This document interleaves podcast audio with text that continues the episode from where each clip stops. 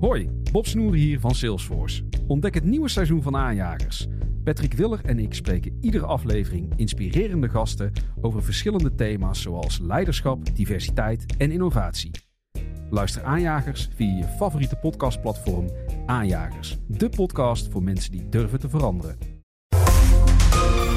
Heb jij de BNR-app al? Met breaking news in de podcast van Beckhovens Britten? Download de app. BNR Nieuwsradio. BNR breekt politiek. Nina van den Dungen. Hartelijk welkom bij BNR Breekt Politiek, het programma waarin luisteraars direct contact kunnen hebben met Tweede Kamerleden.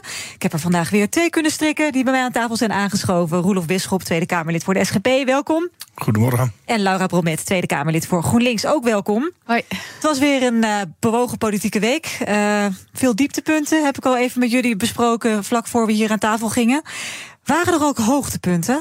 Laura? Ja, Nina, je, je, vroeg het me voor de uitzending en ik moest echt heel diep nadenken. En toen dacht ik ineens uh, op een avond dat ik laat thuis kwam, hoorde ik een schoolextra in mijn tuin. En ik zag er nog één en daar liepen drie kleine schoolextra's naast. Dus ik dacht, laat ik dat maar als hoogtepunt van de week beschouwen. Dat is prachtig, maar dat is dus geen politiek hoogtepunt. Nee, het was uh, een, een hete week, zou ik maar zeggen. Je kon gewoon geen, geen positief iets vinden? Nee, nee, nee. Niet zo snel? Nee. Roelof, jij wel? Nee, ik heb ook geen politieke hoogtepunt in elk geval. En wat het, uh, als je dan verder rondkijkt, ja, dat, uh, ik, geen bijzondere hoogtepunten. Gewoon dat alles uh, lekker liep. Gewoon. En het, het thuisfront. En nou ja, dat, dat vind ik eigenlijk ook wel. Dat is wel een hoogtepunt aan zich. Ja. Een zegen. Nou, welkom, welkom beiden. We beginnen lekker ja, met. BNR breekt.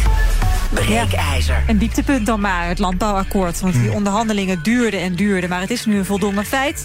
Dat landbouwakkoord is definitief van de baan. De onderhandelingssoap begon al meer dan een jaar geleden op 10 juni. Minister Van der Wal presenteerde toen de stikstofplannen... met verstrekkende gevolgen voor de boeren...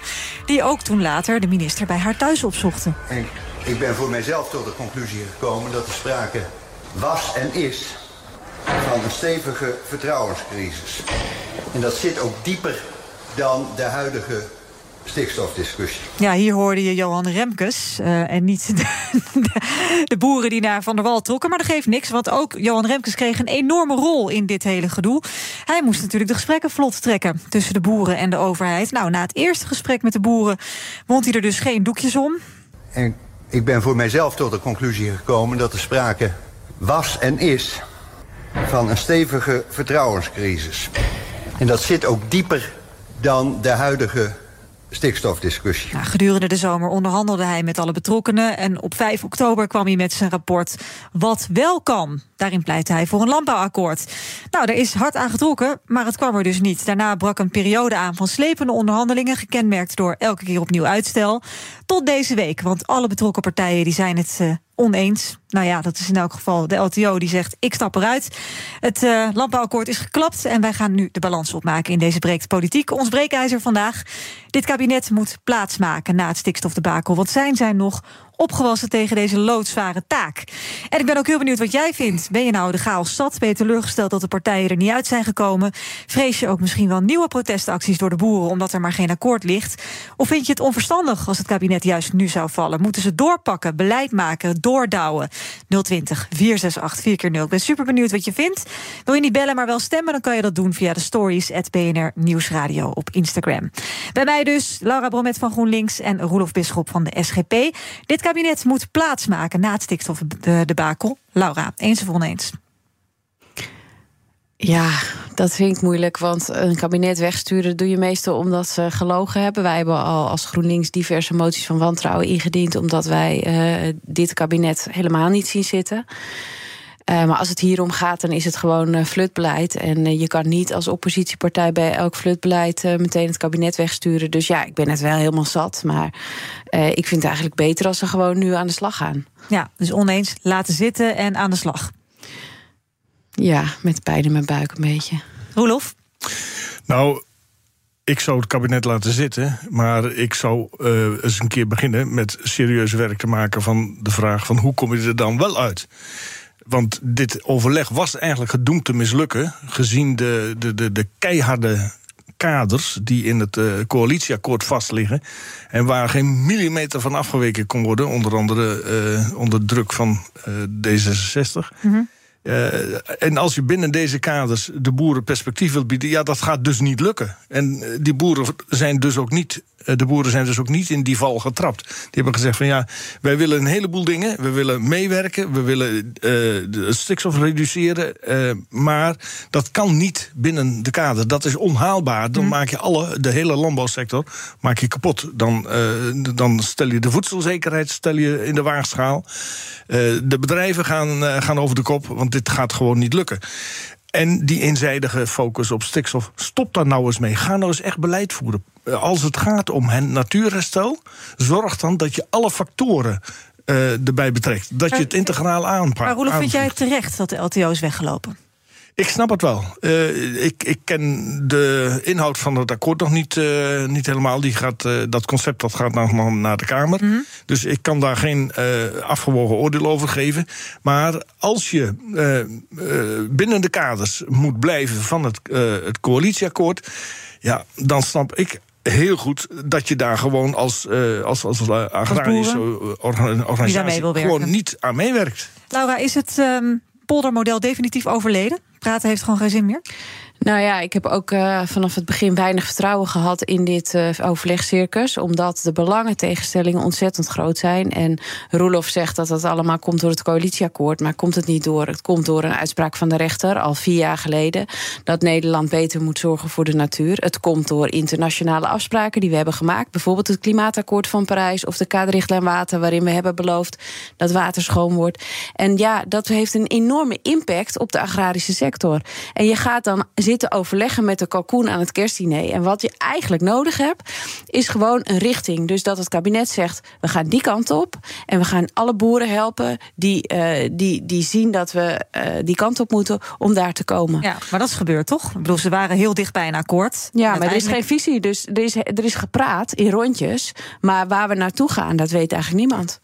Maar dat heeft alles te maken met de eenzijdige uh, lijn die het kabinet nog steeds kiest.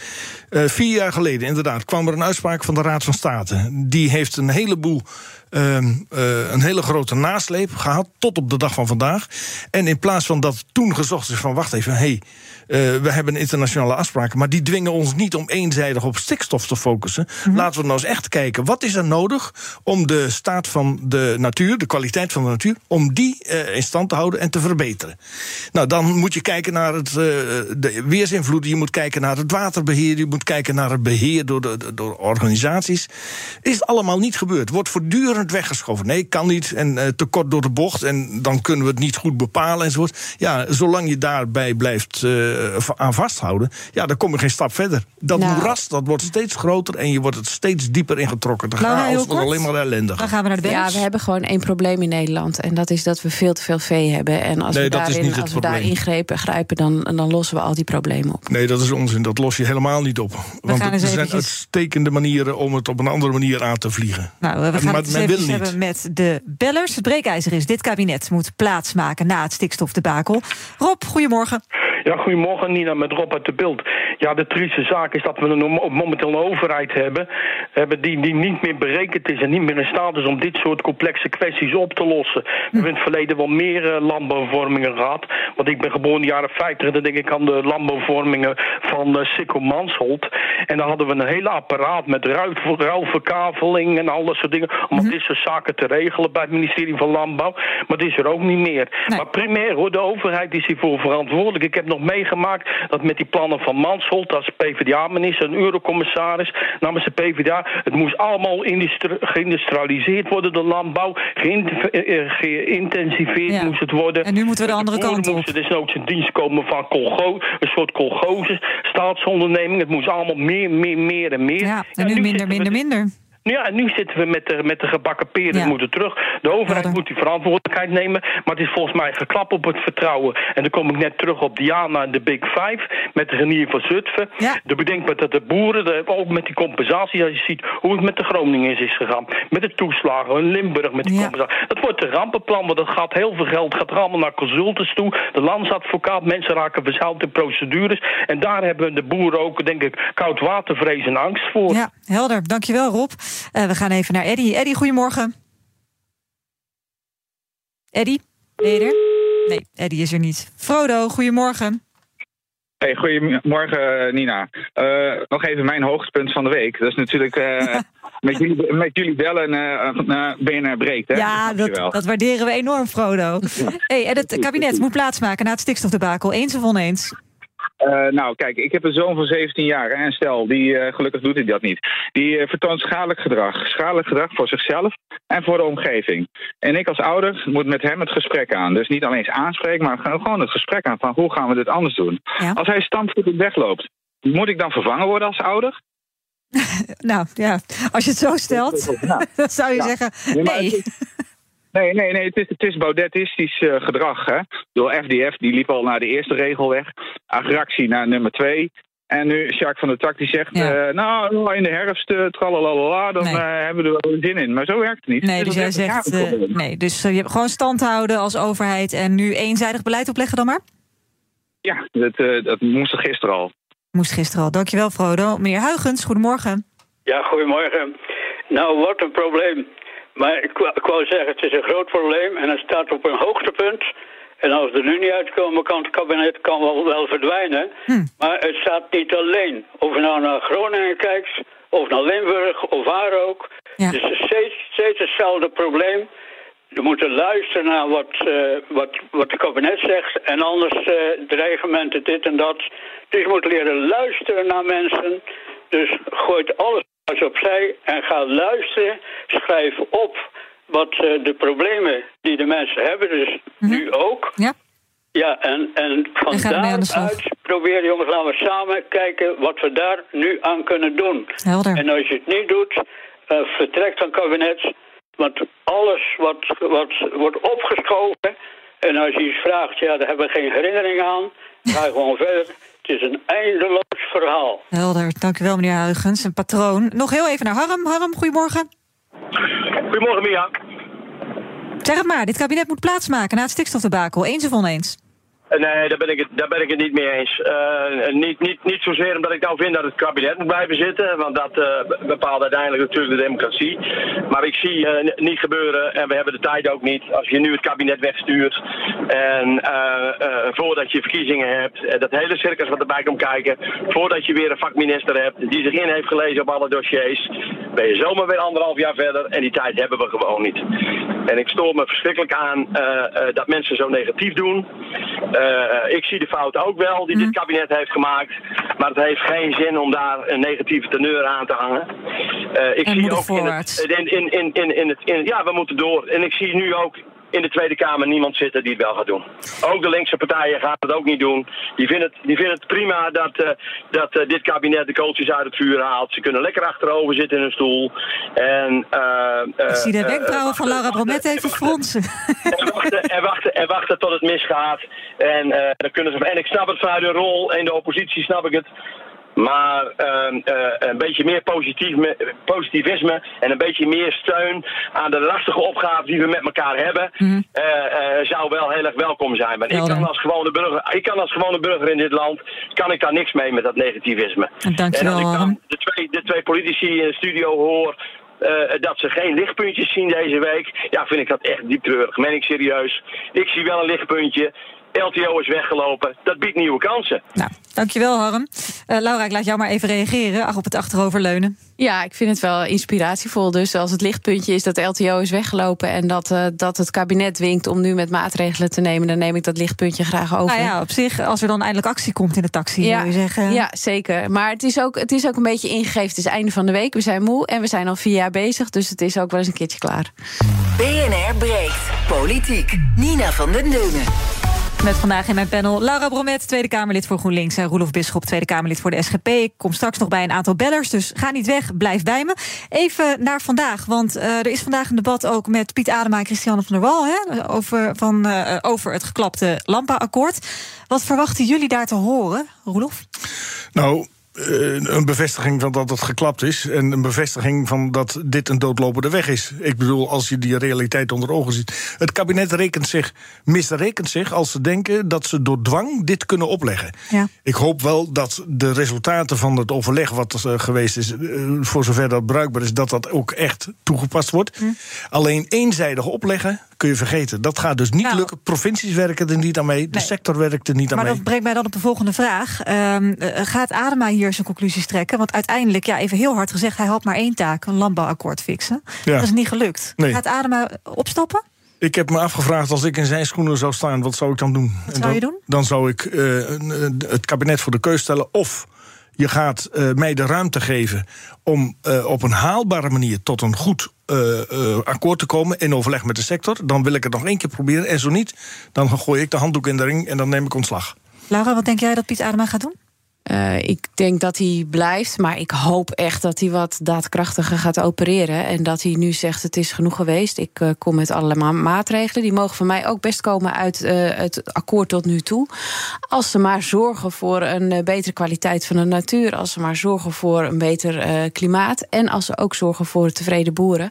En dat is een hele, hele opgave, denk ik. Kijk, wat verrassend, hè? daar ben ik het dus van harte mee eens. Alleen de weg Eindelijk een keer. Ja, nee hoor, dat zoeken we wel vaker. Maar de, alleen de weg eh, die er naartoe leidt, daar verschillen we nadrukkelijk over van mening. Dat betekent dus inderdaad, als je toe wilt naar een echte aanpak van eh, de problemen, eh, verbetering van de natuur, eh, hou dan op met die eenzijdige focus op stikstof.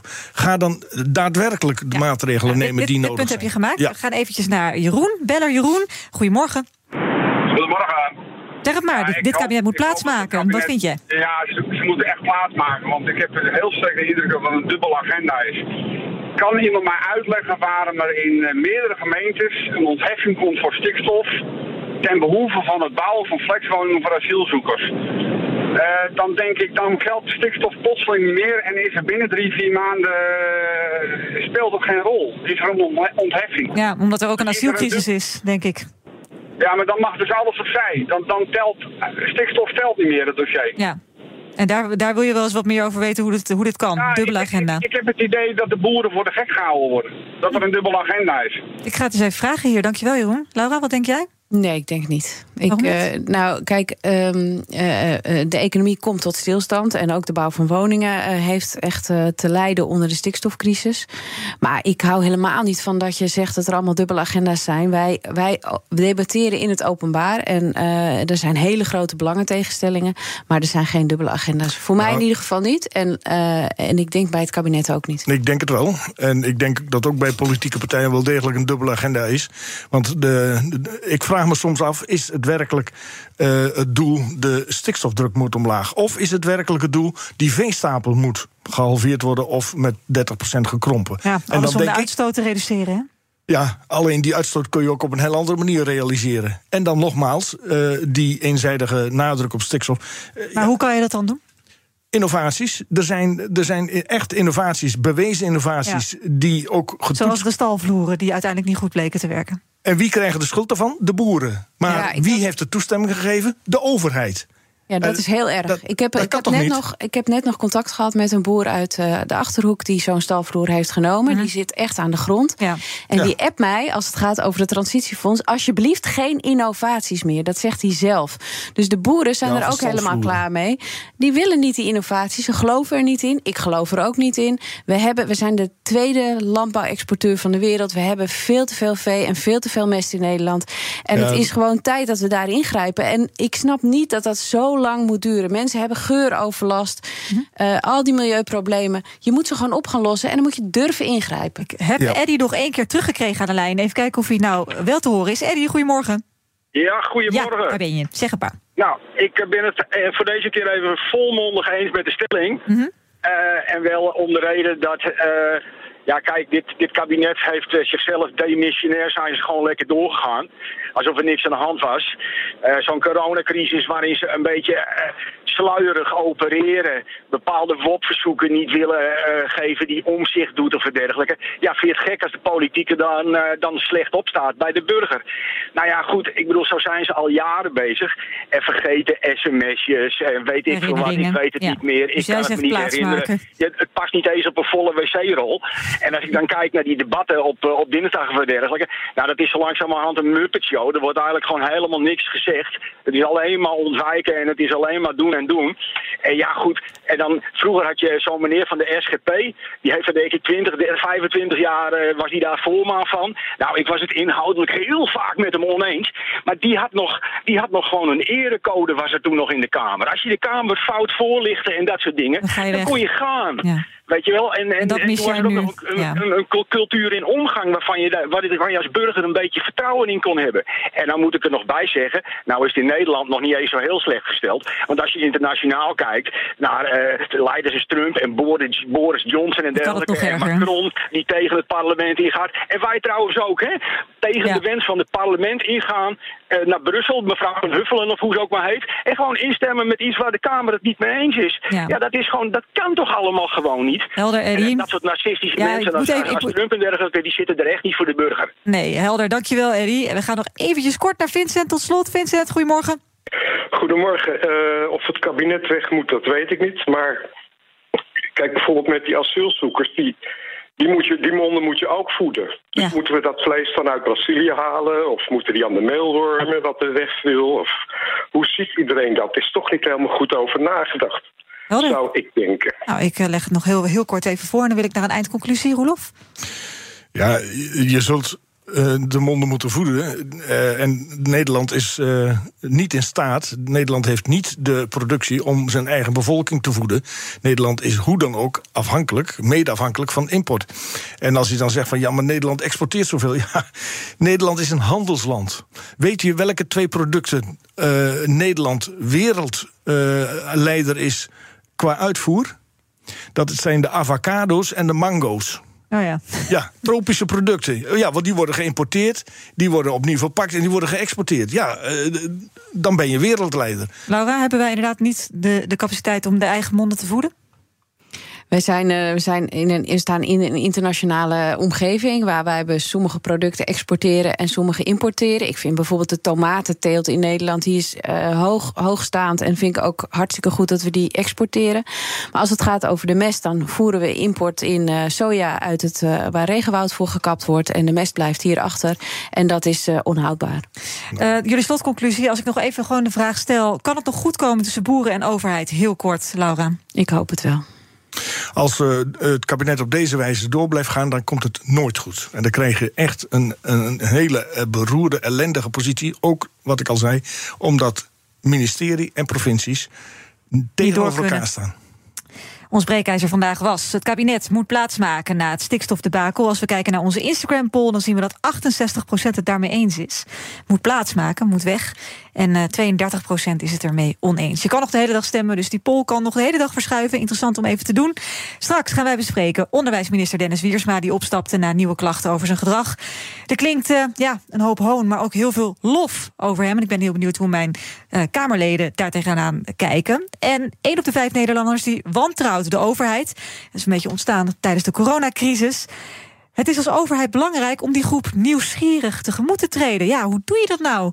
Daar gaan we allemaal over praten. Straks BNR Breek Politiek deel 2. Het Eneco Klimaatreport van deze week komt uit Amsterdam. Ik ben Pascal en ik sta hier met de oprichter van Wikkelhuis op de werkplaats. Oep, wat zie ik hier? Ja, je ziet allemaal huisjes. Ja, En welke rol speelt energie-efficiëntie in jullie ontwerp- en bouwproces? We bouwen alleen maar met hernieuwbare materialen. Maar het leukste is dat we eigenlijk eh, zonne-energie gebruiken voor onze elektriciteit. We hebben duizend zonnepanelen op ons dak van de werkplaats. Duizend zonnepanelen, dat zijn er een hoop. Ik kan me voorstellen dat er veel stroom vanaf komt. Ja, er komt een enorme bak met stroom uit. En soms in de zomer is dat ook te veel. En daarom werken we samen met eh, Eneco, met het eh opwek optimaal systeem. En wat doet dat systeem? Een soort dimmer, dat als er te veel stroom is, dat je dat zeg maar wat terug eh, reguleert, zodat er geen netcongestie ontstaat, want dan zou alles vastlopen. Eh, juiste balans op het energienetwerk. Ja, precies. En zo werkt Wikkelhuis samen met Eneco aan klimaatambities. Is het ook iets voor jouw bedrijf? Check dan eneco.nl slash klimaatambities. Hoi, Bob Snoer hier van Salesforce. Ontdek het nieuwe seizoen van Aanjagers. Patrick Willer en ik spreken iedere aflevering inspirerende gasten over verschillende thema's zoals leiderschap, diversiteit en innovatie. Luister Aanjagers via je favoriete podcastplatform Aanjagers, de podcast voor mensen die durven te veranderen. BNR Nieuwsradio. BNR breekt politiek. Nina van den Dungen. Welkom terug, deel 2 van BNR Breekt Politiek. In het uh, Kamerledenpanel nog steeds Roelof Bisschop van de SGP... en Laura Bromet van GroenLinks. En we gaan praten over het nieuws van de dag. Nou ja, laten we dan toch nog maar beginnen met Dennis Wiersma. Het is natuurlijk gisteren dat hij bekend maakte dat hij opstapte. Maar dat zindert nog flink na. Zojuist komt er ook weer nieuws binnen. De klacht over het gedrag van uh, vorige week het incident... wat er op die praktijkonderwijsdag in Bussum gebeurde... Uh, die wordt doorgezet. Zij zeggen van ja, fijn dat hij is opgestapt... maar voor de sectorraad is de zaak nog niet afgedaan. Onze medewerker verdient het om zelf door het ministerie van OCW gehoord te worden over het incident. Vandaar dat we besluiten nu de route van een officiële melding te vervolgen, zeggen ze. Dus ze maken er echt nog een, een ding van, ondanks dat de minister zelf nu het beltje erbij neer heeft gegooid. Uh, Laura, wat vind jij van het opstappen van Dennis Wiersma? Ja, ik denk dat het uh, onvermijdelijk was. Ik vind het ook heel, heel verstandig dat hij dat gedaan heeft. En ik ben in dit soort kwesties altijd wel geneigd om de kant van de slachtoffers te kiezen.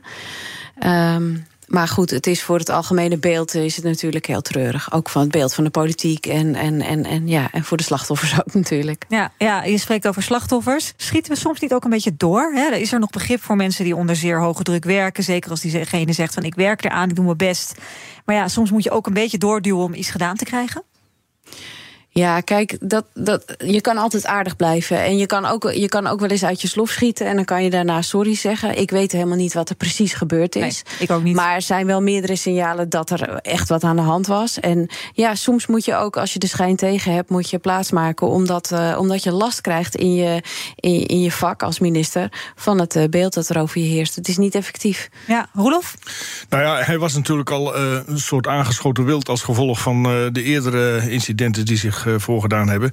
En dan zie je hoe verschrikkelijk kwetsbaar je bent. Want ja, ik weet niet precies wat er gebeurd is. De mentale en fysieke druk of, of uh, dreiging is er vanuit gegaan. Maar, Mondelinge en fysieke intimidatie, in elk geval de laatste intimidatie, keer. ja. Als ik uh, tegen iemand met stemverheffing praat... dan kan dat als intimiderend worden ervaren. Is dat het geweest? Maar uh, goed, het is zijn afweging geweest. Ik, ik, vind, ik weet niet in hoeverre hem dat ook aangeraden had moeten worden. Mhm. Omdat je de, kennis, de, de, de feiten niet, niet kent. Je Nee. weet niet precies wat er gebeurd is. En dan, dan kun je geen oordeel vellen. Dus uh, Nee. ik onthoud me daarvan. Zouden ministers, uh, misschien ook wel Kamerleden of andere mensen met, met vooraanstaande posities, misschien getraind moeten worden op, op, op people skills, gedrag? Roelof? In principe zullen ze daar uh, een training voor krijgen. Je merkt ook wel dat uh, als uh, bewindspersonen aantreden... dat ze uitvoerige trainingen ja, krijgen. Dat is een mediatraining, toch? Ja, mediatraining, maar goed, dit soort dingen. Het, het, moet ook een beetje in je genen zitten. Hè? Van hoe ga je nou correct met mensen om?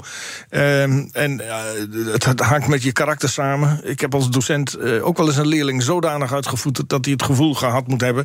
dat hij achter het plafond werd opgeborgen. dat heeft dan wel een reden en een doel. maar als het zomaar een driftbui is, uh, zodat, omdat je jezelf niet kunt beheersen, ja, dan, uh, dan is er iets fout in je. In je karakterstructuur, zal ik maar zeggen. En daar moet je dan flink aan werken. Ja. In hoeverre het terecht is dat, uh, dat hij nu als gevolg van deze nieuwe melding uh, uh, moest opstappen. Nogmaals, ik zou het niet weten, nee. omdat ik de feiten niet ken. Nee. Laura, gedrags training? Ja, ik vind je, je, je, je moet aan een paar basisvoorwaarden voldoen als je aan de top wil komen. En daar hoort bij dat je uh, op een prettige manier met je medewerkers omgaat. En zeker als je aan de top staat. Want uh, uh, mensen zeggen vaak aan de top: ik ervaar geen hiërarchie. Maar dat is alleen vanaf de top gezien. Dus als je zelf onderaan de ladder staat, ja, ja. dan voel je wel die hiërarchie. Ja. Dus daar heb je een extra verantwoordelijkheid voor als je aan de top staat. En is het ook iets waar zowel Kamerleden als ministers rekening mee moeten houden? Dat je eigenlijk, ja, misschien is het wel een beetje een nieuwe standaard dat je als je één misstap maakt op dit vlak, dan ben je af. Ja, maar het gaat in deze kwestie, voor wat ik ervoor gelezen heb, niet over één misstap. Het gaat over een reeks aan incidenten. En het gaat over het voornemen om het beter te doen. En dan alweer snel in de fout gaan. Dus ik, ik weet net als Roelof niet wat er precies gebeurd is. Maar het is wel, uh, het is wel opvallend. Ja, nou zijn natuurlijk functies in de politiek niet meer heel populair tegenwoordig. Op z'n zachtst gezegd. Want je krijgt nog wel drek over je heen. Um, en je moet gewoon gigantisch op je tellen passen. Dus het, het, bij elkaar wordt het, het pakket wat je in een vacature omschrijft, het wordt steeds minder aantrekkelijk, Roelof. Nee, dat klopt. Uh, je wordt echt kwetsbaar. En kijk, als deze trend zich doorzet en ook buiten de politiek uh, nou ja, zeg maar gemeengoed wordt, ja, dan geldt dat voor iedere leidinggevende dat je, dat je zomaar uh, beschuldigd kunt worden van uh, naar gedrag. En dat je dus je functie op de tocht of je baan op de tocht staat. En ja, ik, ik vind het wel een, een, een gevaarlijke ontwikkeling. Hè. En mm. het, het het, het, heeft altijd twee kanten. Hè. Je, je, hebt de, de kant van de, de dader, zal ik maar even zeggen. De zender, degene die dat gedrag of die druk veroorzaakt. Mm -hmm. Maar ook hoe gevoelig ben je als ontvanger. Uh, de een kan tegen een stootje en de ander die blaast uh, bij het eerste zuchtje blaast hij omver. Ja. Dus uh, het verhaal heeft altijd twee kanten. En dat is waar. Als je die ene kant blijft belichten, ja, dan ben je wel heel kwetsbaar. En de reacties uit het onderwijsveld, dat is dan wel toch wel ook een, een opsteker, denk ik, voor Dennis Wiersma. Die zijn behoorlijk positief. Mensen zeggen wel, hij had zoveel hart voor het onderwijs. En wij verliezen nu wel echt een ongelooflijk bevlogen minister die voor het eerst echt weer contact legde met onze leerlingen, leraren en niet met de bestuurders, Laura. Ja, dat maakt het natuurlijk heel erg treurig. Ja. En uh, dat maakt ook uh, iedereen in deze verliezer. Uh, het is gewoon jammer dat, het, ja, dat de persoonlijke kenmerken zeg maar, in de weg staan bij het zijn van een goede minister. Want ik ben ervan overtuigd dat hij ook heel veel goede dingen heeft gedaan. Alleen ja. Laat iets na. Hebben jullie een herinnering dat je zegt, ja, dit, dit. of hebben jullie geen actieve herinnering? Dat kan natuurlijk ook. Ja, nou, ik wel wat actieve herinnering. Kijk, uh, goed leiding of uh, goed uh, beleid voeren heeft ook alles te maken met mensen meekrijgen. En wat ik vanuit het onderwijsveld te, terughoor, is dat, dat ja, hij ook wel eens te veel zijn eigen weg ging. En zonder rekening te houden met uh, hoe je nou uh, bestuurlijk gezien dingen. In... Olifant in de porseleinkast. Ja, dat zijn uw woorden, maar eh, dat, soort, dat soort geluiden kwam ik wel tegen in het onderwijs. En, ja. Niet zo'n mooie herinnering van Roelof. Laura, heb jij nog wel iets van wat je denkt, nou, nou mooie nalatenschap is wel, denk ik, dat hij dit heeft? Nou, ik moet eerlijk zijn, ik heb heel veel portefeuilles in de Tweede ja, Kamer, maar niet, niet, die van onderwijs. Dus ik, ik, ga, ik uh, ga hier niks over zeggen. Hebben jullie wel nog een mening over de opvolger? Nou, als ik nog even een opmerking mag maken. Het is niet zo dat ik met slechte herinneringen aan Dennis uh, verder leef. Hoor. Dat, nee, gelukkig. Ik had ook wel waardering voor hem. We hadden verschil van mening. We hadden een koffieafspraak staan. Nou ja, dat gaan we nu omzetten in een soort... Uh, soort nou ja, pastoraal nagesprek, zal ik maar zeggen. Oh, oh. Hij ja, als, bis, als bisschop ben je daar goed in ja, natuurlijk. Dennis, dat Dennis Wiersma moet de biecht bij Roelof Bisschop. Ja, dat, nou, nou, nee hoor, dat gaat... De uitnodiging staat. Hebben jullie een, een idee over de opvolger? Ik heb geen idee. Uh, ja, nee, ik, kan, ik kan wat namen verzinnen. Nou, noem er eens één. Nee, ja, nee, nee, dat moet ik niet Zeker doen. gevaarlijk, hè? Dat, ja. is heel gevaarlijk. Had ik je toch bijna zover, Roelof? We gaan nog even naar uh, het rapport van de SCP. Eén op de vijf Nederlanders die twijfelden over de intenties van de overheid... tijdens de bestrijding van het coronavirus. Dat wantrouwen, dat groeide. Dat kon ook groeien, heel gestaag. En nu zegt het Sociaal en Cultureel Planbureau... de overheid moet nieuwsgierig zijn naar deze groep. In gesprek gaan, in gesprek blijven, luisteren. Um, wat vinden jullie van die oproep, Roelof? Ik denk dat het heel verstandig is. Moet je sowieso altijd doen, vind ik. Ook uh, al ben je het nog zo hardgrondig oneens met. Uh, de enige manier om uh, gevoelens van onbehagen weg te nemen... is gewoon elkaar in de ogen kijken en het gesprek aangaan. En wie dat moet doen, of je dat een officiële setting, ja, setting moet geven... of dat je de buurthuizen in moet. En, en zeggen, het is nogal een grote groep. Zeker 20 van, ja. van Nederland met wie je dan in gesprek moet. Ja, dat, Is, dat is niet te doen, lijkt me. Maar het is niet uh, zo dat elk individu daar onafhankelijk tot de conclusie gekomen is dat de overheid niet uh, te vertrouwen is. Dat is natuurlijk ook iets wat zichzelf versterkt op een gegeven moment. Ja, sociale dus, media. Dus inderdaad, als je dus in gesprek gaat en daar komt een tegenbeweging op gang, dan heeft dat ook weer zijn olievlekwerking. Dus nee, ik, maar het is gewoon een, een wezenlijk onderdeel van, van, van goed beleid dat je ook met mensen die afdreigen te haken, dat je die probeert vast te houden. En Ja. dat, je, dat je ze hoort, op zijn minst. Laura, hoe dan? Nou ja, ik weet het niet. Want uh, ik, ik, alle politici die ik ken, die hebben contact met inwoners van Nederland. Maar je kan ze niet alle 15 miljoen spreken. Nee, Wat ik wel denk, is dat er natuurlijk de afgelopen tien jaar het ideaal van een kleine overheid is geweest. Uh, onder leiding van uh, Mark Rutte. En dat de overheid uit het leven van een heleboel mensen verdwenen is. En dat ze het gevoel hebben dat ze de overheid, dat ze niet kunnen leunen op de overheid. En dat is iets wat je kan keren door een betrouwbare overheid te zijn. Door problemen op te lossen en door leiderschap te tonen. En nou ja, daar hadden we het net al over in het landbouwdossier. Maar er zijn nog tien andere dossiers waarin eh, dat toch wel ontbreekt. Ja, we luisteren nog heel even naar onderzoeker Joep Schaper van het Sociaal Cultureel Planbureau. Ja, wij zeggen eigenlijk: wees nieuwsgierig naar deze groep mensen. Weet wat er speelt. Kijk soms wat verder dan de soms extreem lijkende uh, standpunten. En ga op zoek naar de achterliggende zorgen. En, en blijf met ze in gesprek. Nou, dat is een mooie boodschap natuurlijk. Um, je hebt natuurlijk ook nog een grote zwijgende meerderheid die misschien niet uh, twijfelt aan de intenties van de overheid, maar die wel twijfelt aan de kwaliteit van het beleid wat wordt gemaakt, van de beslissingen die worden genomen.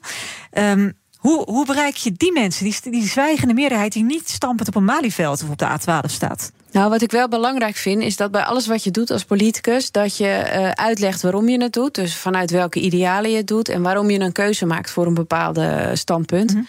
En waar ik echt een hekel aan heb, en dat gebeurt helaas heel veel in de politiek, dat zijn het doen van valse beloftes. Dus dingen beloven waarvan je eigenlijk al weet dat ze niet uh, uh, bewaarheid kunnen worden. We hadden het net over de landbouw, over verplichte maatregelen. Ik denk dat het onontkoombaar is. Dus je kan dan tegen boeren zeggen: we gaan alles op vrijwillige basis doen. Maar dan komt er een dag dat die verplichting noodzakelijk wordt. En dan zegt iedereen: ja, maar je zou het, je zou het allemaal vrijwillig doen. Dus meepraten met mensen, dat is uh, heel prettig. En dat geeft je misschien een goed gevoel als politicus. Maar ik vind dat je ook eerlijk moet zijn. En uh, daar ontbreekt het heel vaak aan. Hoi, Bob Snoer hier van Salesforce. Ontdek het nieuwe seizoen van Aanjagers. Patrick Willer en ik spreken iedere aflevering inspirerende gasten over verschillende thema's zoals leiderschap, diversiteit en innovatie. Luister Aanjagers via je favoriete podcastplatform Aanjagers. De podcast voor mensen die durven te veranderen. Ik ben Sylvia van Solft. Betaalt u te veel huur of huurt u te veel kantoorruimte? Solft heeft de oplossing. Van werkplekadvies, huuronderhandeling tot een verbouwing, wij ontzorgen u. Kijk voor al onze diensten op soft.nl. BNR breekt. Politiek. Nina van den Dungen. Met Tweede Kamerleden Roelof Bisschop voor de SGP en Laura Bromet voor GroenLinks. We vragen jullie natuurlijk ook altijd om even je eigen nieuws mee te nemen. Roelof, wat viel jou op in het nieuws vanochtend? Misschien wel eerder deze week. Nou ja, het vertrek van uh, de minister van Onderwijs voor Onderwijs. Dat, uh, dat was het uh, springende punt wel wat mij betreft. Ja, maar precies. daar hebben we het uitvoerig over gehad. Dus. Ja, en ik heb ook begrepen dat jij het wilde hebben over de Europese Commissie... die um, even wat extra geld wil binnenhalen. 66 miljard euro moet kunnen, toch? Ja, in de, in de voorbereiding de heb ik dat inderdaad genoemd. alleen dat werd verdrongen doordat er vannacht het bericht kwam... dat Dennis Wiersma als minister Ja. Maar dat is inderdaad zo. Ik, ik vind dat ook, ook zo'n zo'n merkwaardig verschijnsel. Hè. De, uh, we hebben meer geld nodig. Uh, dan ga je niet kijken van hoe kun je efficiënter met de middelen omgaan. Maar dan ga je gewoon uh, roepen van lidstaten, 66 miljard, breng het maar even op. En, Wat jou betreft, nee, gaat nee, niet gebeuren. Geen nee, cent extra? Geen cent extra. Maar er is toch een oorlog in Oekraïne? Ja, maar moet je eens kijken naar de, de, de budgetten waar de Europese Commissie over beschikt. Uh, en uh, waar het allemaal aan besteed wordt. En uh, op welke terreinen waar de Europese Commissie formeel niks te zeggen heeft, toch miljarden gereserveerd worden. En dan zeg ik, Europese Commissie. Bij jezelf weghalen. Ga eerst maar eens in je eigen huis kijken. Maak de boel op orde. En dan pas, als dat niet lukt, dan kunnen we kijken of we meer budget moeten forteren. Laura? Ja, Roelof doet net alsof Europa iets is wat buiten ons staat. Terwijl nee, wij zijn zelf niet. natuurlijk ook een onderdeel van uh, Europa. En de situatie in Europa is wel echt heel erg grondig veranderd sinds de uh, oorlog in Oekraïne. Dus ik begrijp dat er meer geld nodig is. Um, GroenLinks vindt dat dat uh, niet per se bij de inwoners van Europa vandaan gehaald moet worden. Maar dat er eindelijk eens werk gemaakt moet worden van een plan dat al aangenomen is in Europa om grote bedrijven zwaarder te belasten. En Ja, uh, het, het komt ten goede aan ons alles. Ik verbaas me eigenlijk ook wel over de SGP. Want bijvoorbeeld een derde van het budget wat uitgegeven wordt uit Europese gelden is voor de, landbouw. En uh, vindt, vindt uh, Roelof dan ook dat dat maar wat lager moet en dat de boeren nog efficiënter moeten gaan werken? Want ik hoorde hem net iets zeggen over efficiëntie. Kijk, ik vind dit het, het, klassieke voorbeeld. Uh, het wordt gedaan, uh, die, die, die, die bedrijfssubsidies die de boeren krijgen, alsof de boeren daar beter voor worden. Nee, je moet even een stap verder denken. Waarom krijgen die boeren die subsidies? Dat is onder andere om de kostprijs van het voedsel laag te houden. Met andere woorden, wat er gebeurt met die, die subsidies die via de landbouw verspreid worden, die, dat komt ten goede aan alle inwoners van Europa, van de EU. En dat is dus het subsidiëren van de consument.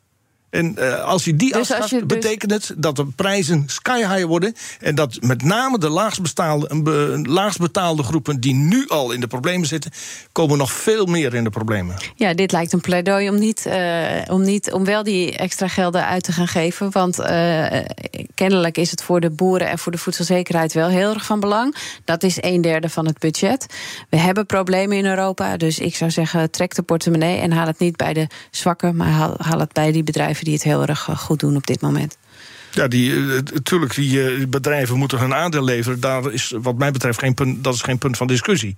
Maar uh, de reflex van we komen tekort, dus er moet meer gelapt worden.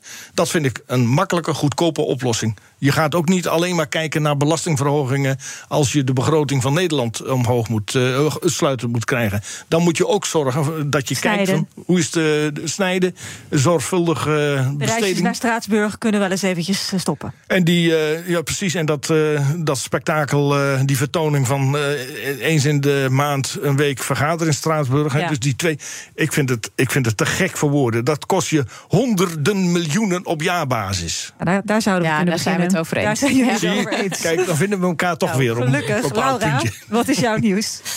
Ja, ook uh, Europees nieuws. Er is in uh, Europa gesproken over uh, een nieuwe natuurherstelwet. En ik vond eigenlijk wel... Van Frans Timmermans. Ja, van Frans Timmermans. En we zijn ook uh, pas geleden met een hele grote delegatie van de Kamercommissie bij Frans Timmermans geweest om hierover te spreken. En ik vind het toch wel om je dood te schamen dat uh, de meeste Europese landen voor deze wet stemmen, maar dat Nederland tegenstemt. Ja, Heel verstandig. Ja, dat dacht ik al. Dit, is, ja, dit, dit, kunnen we niet, dit kunnen we niet goed knuffelen met z'n tweeën. Nee, ik. nee, dit is zo buitenproportioneel, deze maatregelen. Dat is echt megalomaan. Nou ja, uh, Laura, om dan maar even het argument van het kabinet te gebruiken. Ze zeggen, ja, uh, het is, wij zijn een super dichtbevolkt land. Um, het is voor ons niet haalbaar, sowieso met alle crisis die we al hebben. Dit land gaat op slot. Als wij weer aan allerlei nieuwe verplichtingen en natuurherstel uh, eisen moeten voldoen... dan gaan wij op slot. We lopen vast, compleet. Ja, kijk, het is hoe je ernaar kijkt. Uh, ik kijk naar de wereld waarin de biodiversiteit in een heel snel tempo afneemt. Wij zijn een van de rijkste landen van de wereld. Als het ons al niet lukt om die biodiversiteit te beschermen en te verbeteren, het is ook de kern van het stikstofprobleem. Pak nou al die problemen een keertje samen en zet je schouders eronder. Het gaat over een paar honderd uh, vierkante kilometer meer natuur. Het is allemaal niet zo heftig. Er is heel veel flexibiliteit voor elk land om het in te vullen zoals je wil. Maar Nederland schiet meteen weer in de reflex van nou, we willen het niet, want we, want we zijn te klein voor een uh, bloeiende natuur. En dat vind, ik, uh, ja, dat vind ik heel armoedig. En het is dan nu van een resultaatsverplichting naar een inspanningsverplichting uh, hè, gecompromist, zal ik maar ja. even zeggen.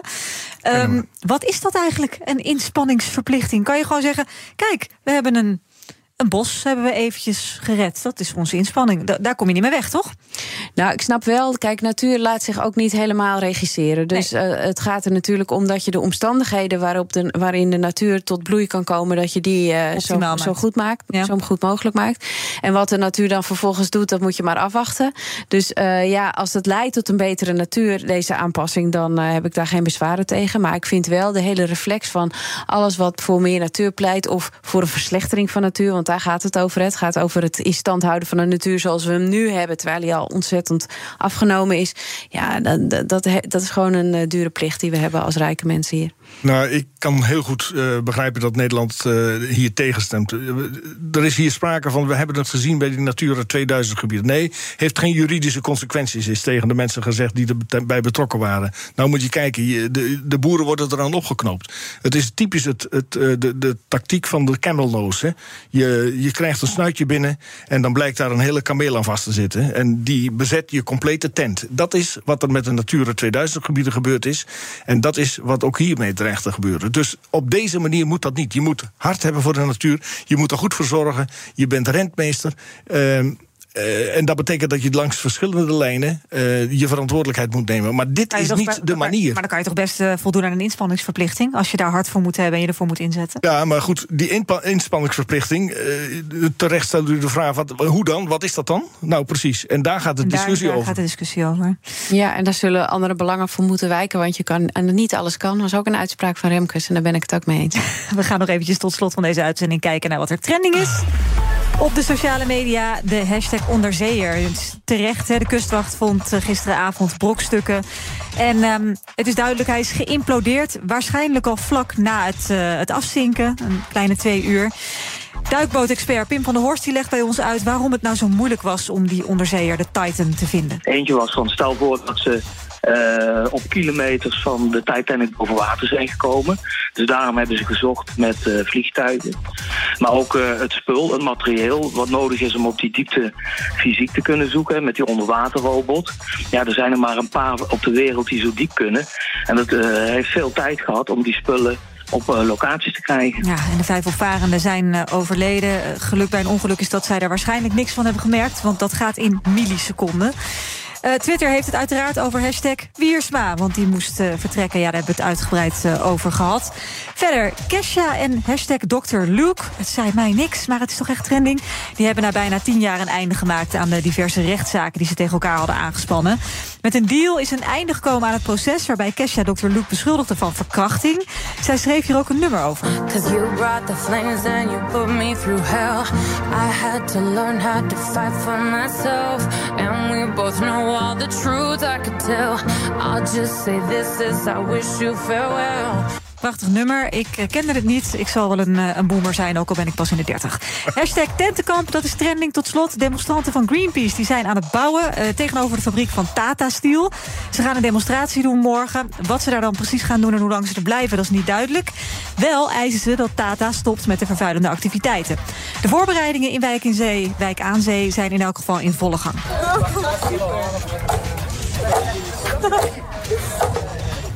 Staat hij vast?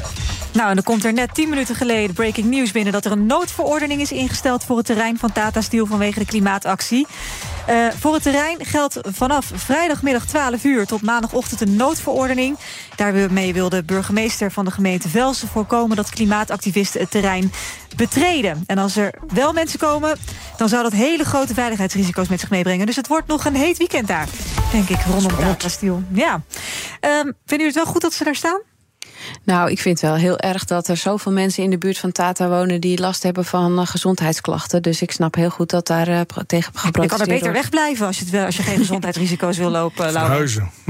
Ja, verhuizen waarheen dan? Ja, er zijn toch geen huizen? Uh, inderdaad. Nou. Maar het, het, ik ben het op dit punt, en dat is dan weer mooi om weer mee af te sluiten. Mee af te sluiten. Ik ben het op dit punt met, met, met Laura eens. SGP voor Greenpeace. nou ja, ik, ik deel niet, lang niet altijd de manier waarop men te werk gaat. Maar op zichzelf, dat er aandacht gevraagd wordt voor dit soort problemen. Ik is goed nodig. Ja. Daarmee gaan we afsluiten. Veel dank voor jullie komst. Laura Bromet, Tweede Kamerlid voor GroenLinks. En Roelof Bisschop, Tweede Kamerlid voor de SGP. Maandag dan zijn we er weer. Volg ons uh, dit weekend gewoon lekker door via de socials. En straks kun je luisteren naar BNR Zaken doen met uh, Edwin Mooibroek. Fijn weekend. Hoi, Bob Snoer hier van Salesforce. Ontdek het nieuwe seizoen van Aanjagers. Patrick Willer en ik spreken iedere aflevering inspirerende gasten over verschillende thema's zoals leiderschap, diversiteit en innovatie. Luister Aanjagers via je favoriete podcastplatform Aanjagers. De podcast voor mensen die durven te veranderen.